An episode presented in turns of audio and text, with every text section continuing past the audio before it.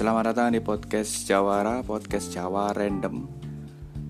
Setelah sekian lama akan mencoba untuk kembali tapi dengan konsep tipis yang sangat berubah dengan awalnya yang mungkin akan tidak lebih dari 5 menit bahkan tidak sampai 5 menit.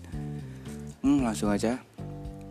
Aneh gak sih kan ngrungokno ocehane wong sing wis rabi ocehan-ocehan sing sing koyok ngetok nolek e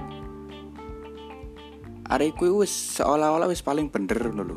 Padahal kan seakan-akan koyok rabi ku wis ngarai wong wis dadi paling bener nang uripe. Ya gak apa-apa sih lek lek apa kayak ngekei saran tips kayak sing lajang kayak sing jomblo kayak melangkah kudu gawe malah menghakimi ngono seolah-olah di umur tertentu kurung nikah itu adalah hal yang tidak wajar loh. Gak usah lah menghakimi ngono. Menghujat seolah-olah koyok salah ngono. Padahal kan opo sih salahnya wong kurung rapi di usia-usia tertentu yang sewajarnya udah menikah.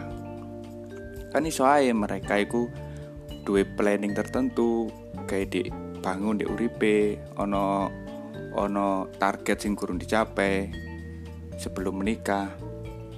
Jadi wis direncanakan memang. Bukan mereka itu menik belum menikah karena mereka nggak nggak dapat dapat tapi mereka itu memang merencanakan untuk belum menikah. Dan mereka menargetkan di usia-usia tertentu akan menikah. Jadi singkatnya itu hanya menunda jadi ya wis cukup aja ngekei saran atau tips kayak menjalani pernikahan nanti seperti apa.